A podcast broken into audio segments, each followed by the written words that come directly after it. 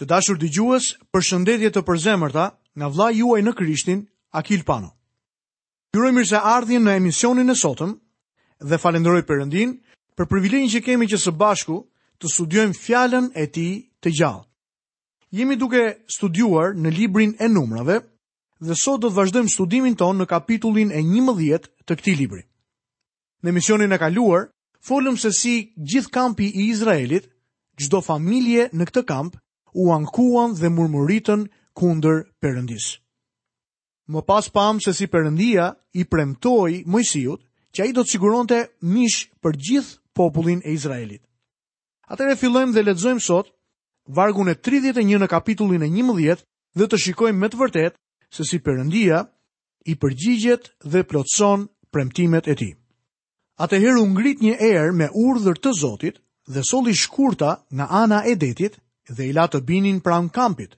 Një ditë ecje nga një anë dhe një ditë ecje nga ana tjetër rreth e qark kampit. Zoti tani u jep atyre mishin që u premtoi. Ai siguroi shkurta të thekura. Ku mund të gjenin ata më mirë se kaq? Unë madje as mund ta imagjinoj shkurta me aq bollëk si këtu. Kam qenë në gjueti shkurtash dhe gjatë gjithë ditës mund të kem gjetur dy ose e shumta tre prej tyre. Lexojmë vargun 32. Populli mbeti në këmbë gjithë atë ditë, tërë natën dhe tërë ditën vijuese dhe mblodhi shkurtat.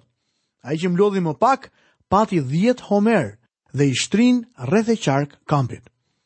Kjo masë ishte rreth 86 gallon ose 325 kg. Pra shikoni, ai që mblodhi më pak nga të gjithë pjesëtarët e popullit të Izraelit kishte mbledhur 325 kg mish.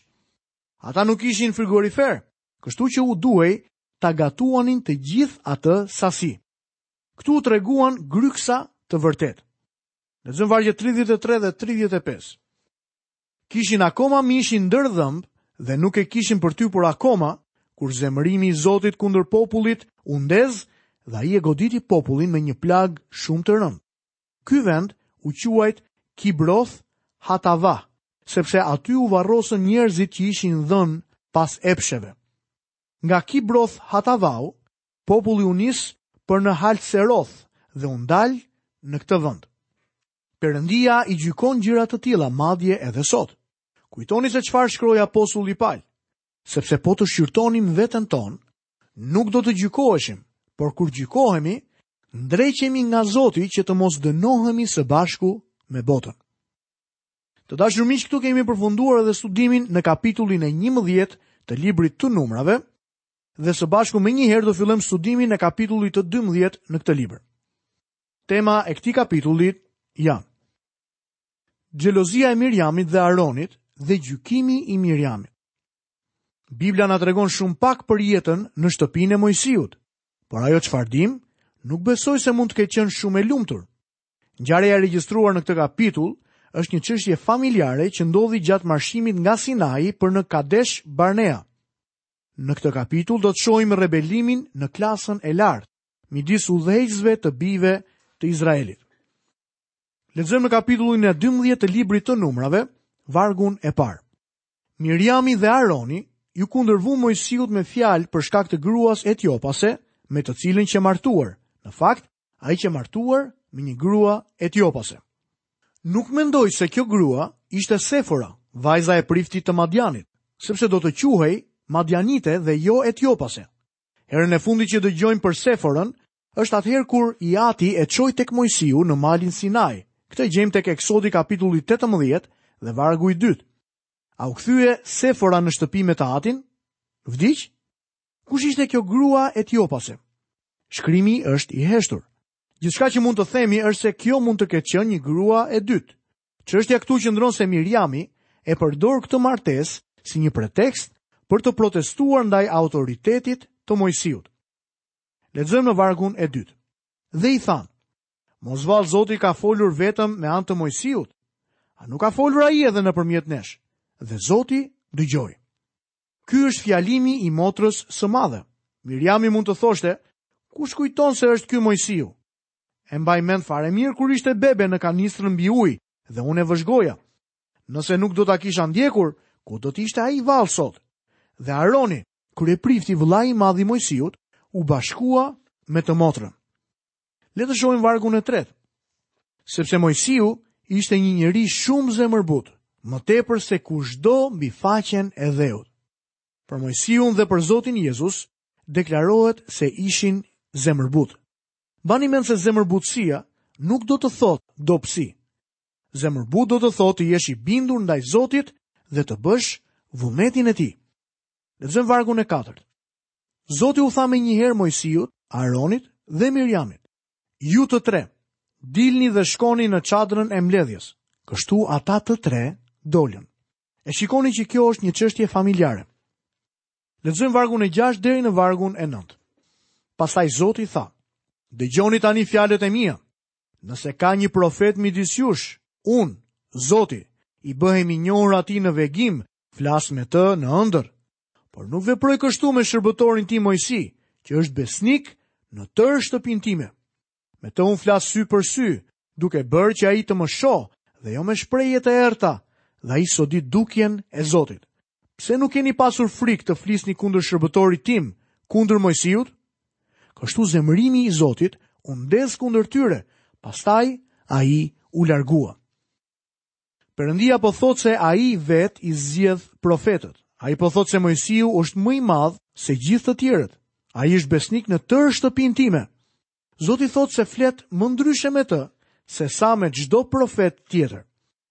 Ai flet me Moisiun, sy për sy. Ne e shohim këtë gjë të vërtetë kur studiojmë Dhiatën e Vjetër. Mund të shohim që ai nuk foli me asnjë profet tjetër, ashtu siç foli me Moisiun. Perëndia iu shfaq në ëndrra Abrahamit, ai iu shfaq në ëndrra Jozefit. Por Zoti foli sy për sy me Moisiun. Moisiu ishte ndryshe nga gjithë të tjerët. Më vonë do të shohim se Perëndia tha, Unë do të nxjerr për ta një profet nga gjiri i vëllezërve të tyre dhe do të vë në gojën e tij fjalët e mia dhe ai do t'u thotë atyre të gjitha ato që unë do t'i urdhëroj.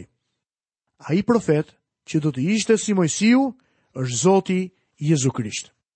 Lexojmë vargun e dhjetë. Le të shohim këtu gjykimin që ndodh me Miriamin. Kur reja u tërhoq nga pjesa e sipërme e çadrës, Miriami ishte bërë lebroze e bardhë si bora. Aroni e shikoi Miriamin dhe ja, ajo ishte lebroze. Ata kishin qenë tepër të marrë në ato që thanë. Miriami u bë lebroze për shkak të gjykimit të ashpër të Zotit mbi të. Moisiu iu lut Zotit për të. Sa zemërbutë dhe i mëshirshëm që ishte Moisiu.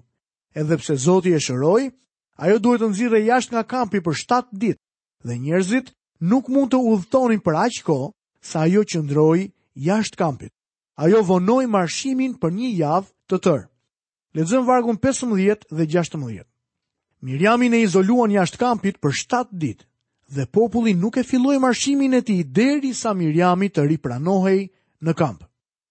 Pastaj populli u nis nga Hatserothi dhe ngriti kampin e tij në Paran. Përse nuk u godit Aroni nga lebra?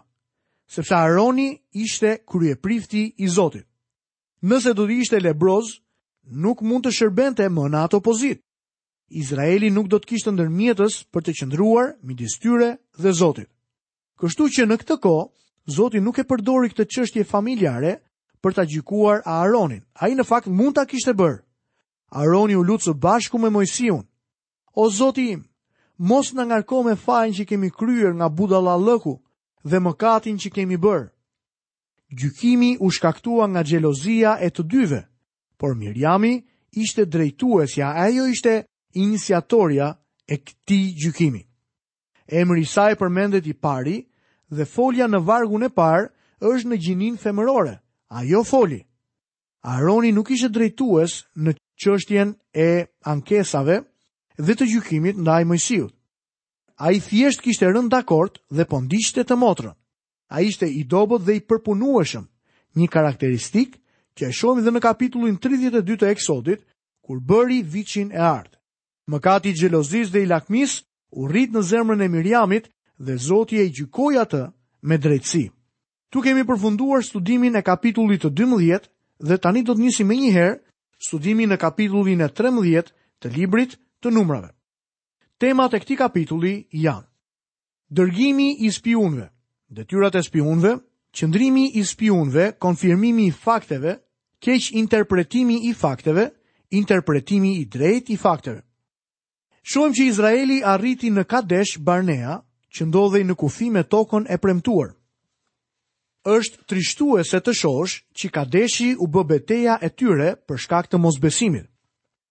Ky kapitull përfshin shkakun e dërgimit të spiunëve, zgjedhjen e këtyre njerëzve, detyrat, qëndrimin e tyre, konfirmimin e fakteve të spiunëve dhe dy interpretime të fakteve, një raport shumice dhe një që vjen nga pakica. Lezojmë në vargun e parë deri në vargun e tretë të kapitullit të 13 në librin e numrave. Zoti i foli Mojsiut duke i thënë, Dërgo njerëz të këqyrin vendin e Kanaanit, që unë po ua jap bijve të Izraelit. do të dërgoni një nga çdo fis i etërve të tyre, të gjithë të jenë nga princat e tyre. Kështu Mojsiu i nisi nga shkretëtira e Paranit, simbas urdhrit të Zotit, të gjithë këta ishin krerë të bijve të Izraelit. E kujt ishte ideja për dërgimin e spiunëve? A ishte kjo ideja e Zotit? A ishte mendimi i Zotit për të spiunuar në atë vend? Në fakt, jo. Ne gjithmonë kemi nevojë për një pamje të përbërë të fjalës së Zotit, sepse shumë herë njëri aspekt mund të jepet në një vend dhe një aspekt tjetër në një vend tjetër. Për shembull, kemi nevojë për të katër ungjijtë për të pasur një spektër total të Zotit Jezu Krisht. Edhe pse këtu na krijohet përshtypja sikur kjo ide është e Zotit, shohim se ai po u përgjigjet kërkesës së tyre. Dëgjoni ngjarjen tek ligji i përtërirë. Atëherë ju thashë, keni arritur në krahinën malore të Amorejve, që Zoti Perëndia ynë na jep. Ja, Zoti, Perëndia ynë, e ka vënë vendin para teje. Ngjitu dhe shtire në dorë, ashtu siç Zoti ka thënë. Perëndia i etërve të tu, mos ki frikë dhe mos u ligështo. Atëherë ju të gjithë, ju, u afruat pranë meje dhe më thatë. Të dërgojmë disa njerëz para nesh që të vëzhgojmë vendin për ne dhe të na tregojnë rrugën nëpër të cilën duhet të ngjitemi dhe qytetet në të cilat duhet të hyjmë. Kështu pra, nuk ishte ideja e Zotit për të dërguar spiunët në vend. Dërgimi i spiunëve nxirrte në pah dobësinë dhe frikën e njerëzve. Ekzistonte një frikë që ndoshta ata nuk do të ishin të aftë për të marrë tokën. ishte më e thjeshtë për ta të arsyetonin dhe të vendosnin për dërgimin e spiunëve, sepse kështu dukej si një veprim i zgjuar. Gjithsesi Zoti po e udhëheq Izraelin në tokën që u ka premtuar. Kërkesa e tyre për spiunët zbulon mungesën e besimit nga ana e tyre. Sa mesazh i rëndësishëm është ky për ne sot? A po ecim me të vërtetë me anë të besimit? Sigurisht që duhet të marrim masa paraprake, por ka një kohë kur ne duhet t'ia besojmë rrugët tona Zotit.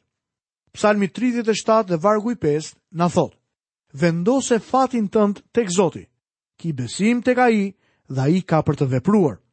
Unë dhe ti duhet të vijmë në vendin ku t'ia lëmë rrugët tona Zotit dhe t'i besojmë atij plotësisht.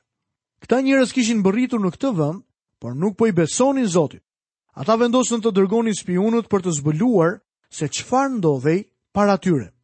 Ky është një rast tjetër kur Zoti i dorëzohet dëshirave të njerëzve të tij. Le të shohim zgjedhjen e spiunëve.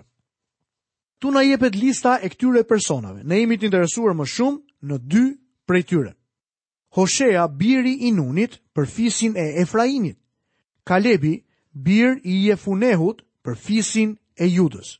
Këto vargje lexojmë tek Numrat 13, vargun 6 dhe vargun 8. Këtu shohim Hoshean dhe Jozueun. Ne do të dëgjojmë më shumë për këta dy njerëz të shquar që sollën raportin e pakicës. Le të shohim për detyrat e tyre. Lexojmë nga vargu 17 deri 20. Moisiu pra i dërgoi për të vëzhguar vendin e Kanaanit dhe u tha atyre: Ngjituni që këtej në Negev dhe pastaj në krahinën malore, për të parë si është vendi në qoftë se populli që banon aty është i fortë, apo i dobët, i pakët në numër, apo i shumtë. Si është vendi ku banon, i mirë apo i keq? A ka kampe, ose vende të fortifikuara? Dhe si është toka pjellore apo e varfër?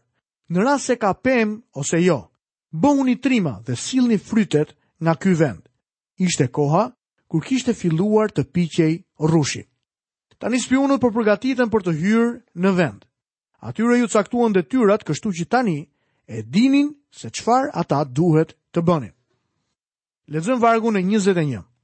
Ata u ngjitën pra dhe vëzhguan vendin e Tsinit deri në Rehob, duke hyrë në të nga ana e Hamathit. Hamathi ishte në veri të vendit. Spiunët bënë një punë të plotë. Çështja qëndron se ata mund të kishin shkruar edhe një libër të titulluar Brenda tokës së premtuar. Ata e njohën mirë atë vend. Na tregohen vendet ku shkuan dhe se panë bijtë e Anakut. Këta ishin gjigantët. Lexojmë nga vargjet 22 deri në vargun e 25.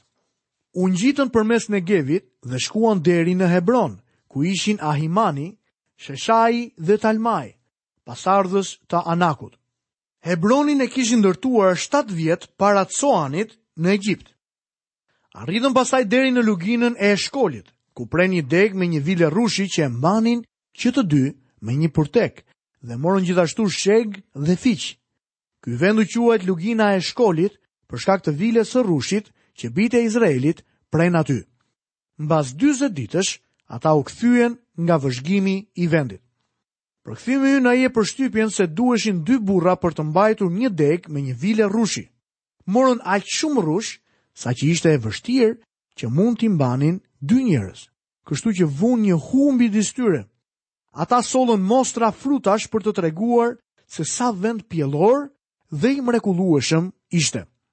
Le të shohim për konfirmimin e fakteve dhe lexojmë në vargjet 26 dhe 27.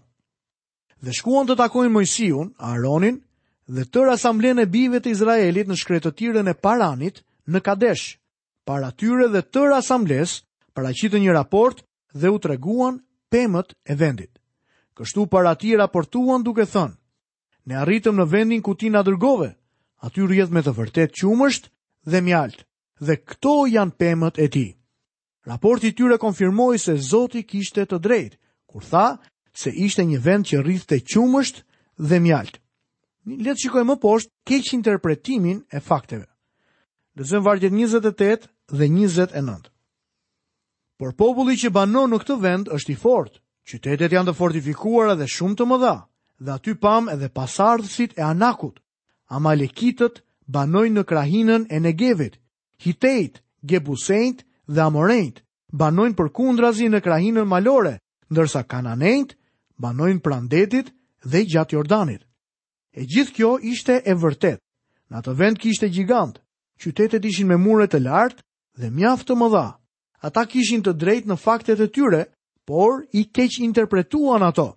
Në këtë pikë, ata ecën mbrapsht. Lexojmë vargjet 31 deri 33. Por njerëzit që kishin shkuar me të, thanë, nuk mund të sulemi kundër këtij populli, sepse është më i fortë se ne.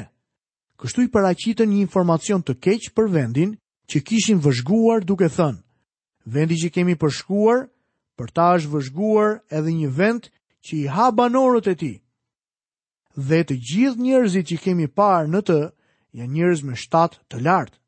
Përveç kësaj, aty pamë gjigantë, Pasardhësit e Anakut rrjedhin nga gjigantët, përballë të cilëve na dukej se ishim karkaleca dhe kështu duhet t'u dukeshim atyre.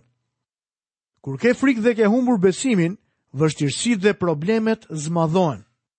Bëhen më të mëdha sesa janë në të vërtetë. Ata ishin vërtet gjigantë, por këta njerëz menduan se ishin më të mëdhenj seç ishin në realitet. dukeshin më të mëdhenj, sepse ishin të frikësuar. Çfarë kontrasti interesant që na jepet këtu. Gjigantët dhe karkalecat. A e dini se çfarë lanë ata jashtë? Ata harruan të përfshinin Zotin. E krahasuan veten e tyre si karkalecat me gjigantët. E nxorën Zotin jashtë loje, jashtë pamjes së tyre. Çfarë histori e mrekullueshme do të kishte qenë vetëm sikur ta kishin marrë parasysh edhe Zotin. Le të shohim për interpretimin e duhur të fakteve. Lexojmë vargun e 30. Atëherë Kalebi e qetësoi popullin që murmuriste kundër Moisiut dhe tha: Le të ngjitemi menjëherë dhe ta pushtojmë vendin, sepse këtë mund ta bëjmë me siguri. Këtu paraqitet raporti i pakicës. Kalebi doli me raportin e tij, por të gjithë njerëzit e tjerë e përgënjeshtruan. Jozueu ishte i vetmi që ra dakord me Kalebin. Ja pra tani kemi të gjithë pamjen. Raporti ishte i saktë me faktet. Por pati dy mendime të ndryshme në lidhje me interpretimin e këtyre fakteve. Raporti i pakicës thoshte, le të ngjitemi menjëherë dhe ta pushtojmë vendin, sepse këtë mund ta bëjmë me siguri. Ndërsa raporti i shumicës thoshte, ne nuk mund ta bëjmë dot këtë gjë. Njerëzit e besuan raportin e shumicës. Ata nuk besuan se mund ta merrnin tokën për shkak se u mungonte besimi tek Zoti. Të dashur miq, këtu kemi mbritur dhe në fundin e emisionit të sotëm. Ju kujtoj që studimin tonë do ta vazhdojmë në emisionin e ardhshëm. Deri atëherë, nga vëllai juaj në Krishtin Akil Pano, paçi paqen e Perëndisë me bollëk në jetën tuaj dhe të gjitha bekimet e tij. Bashkë mirudëgjofshim.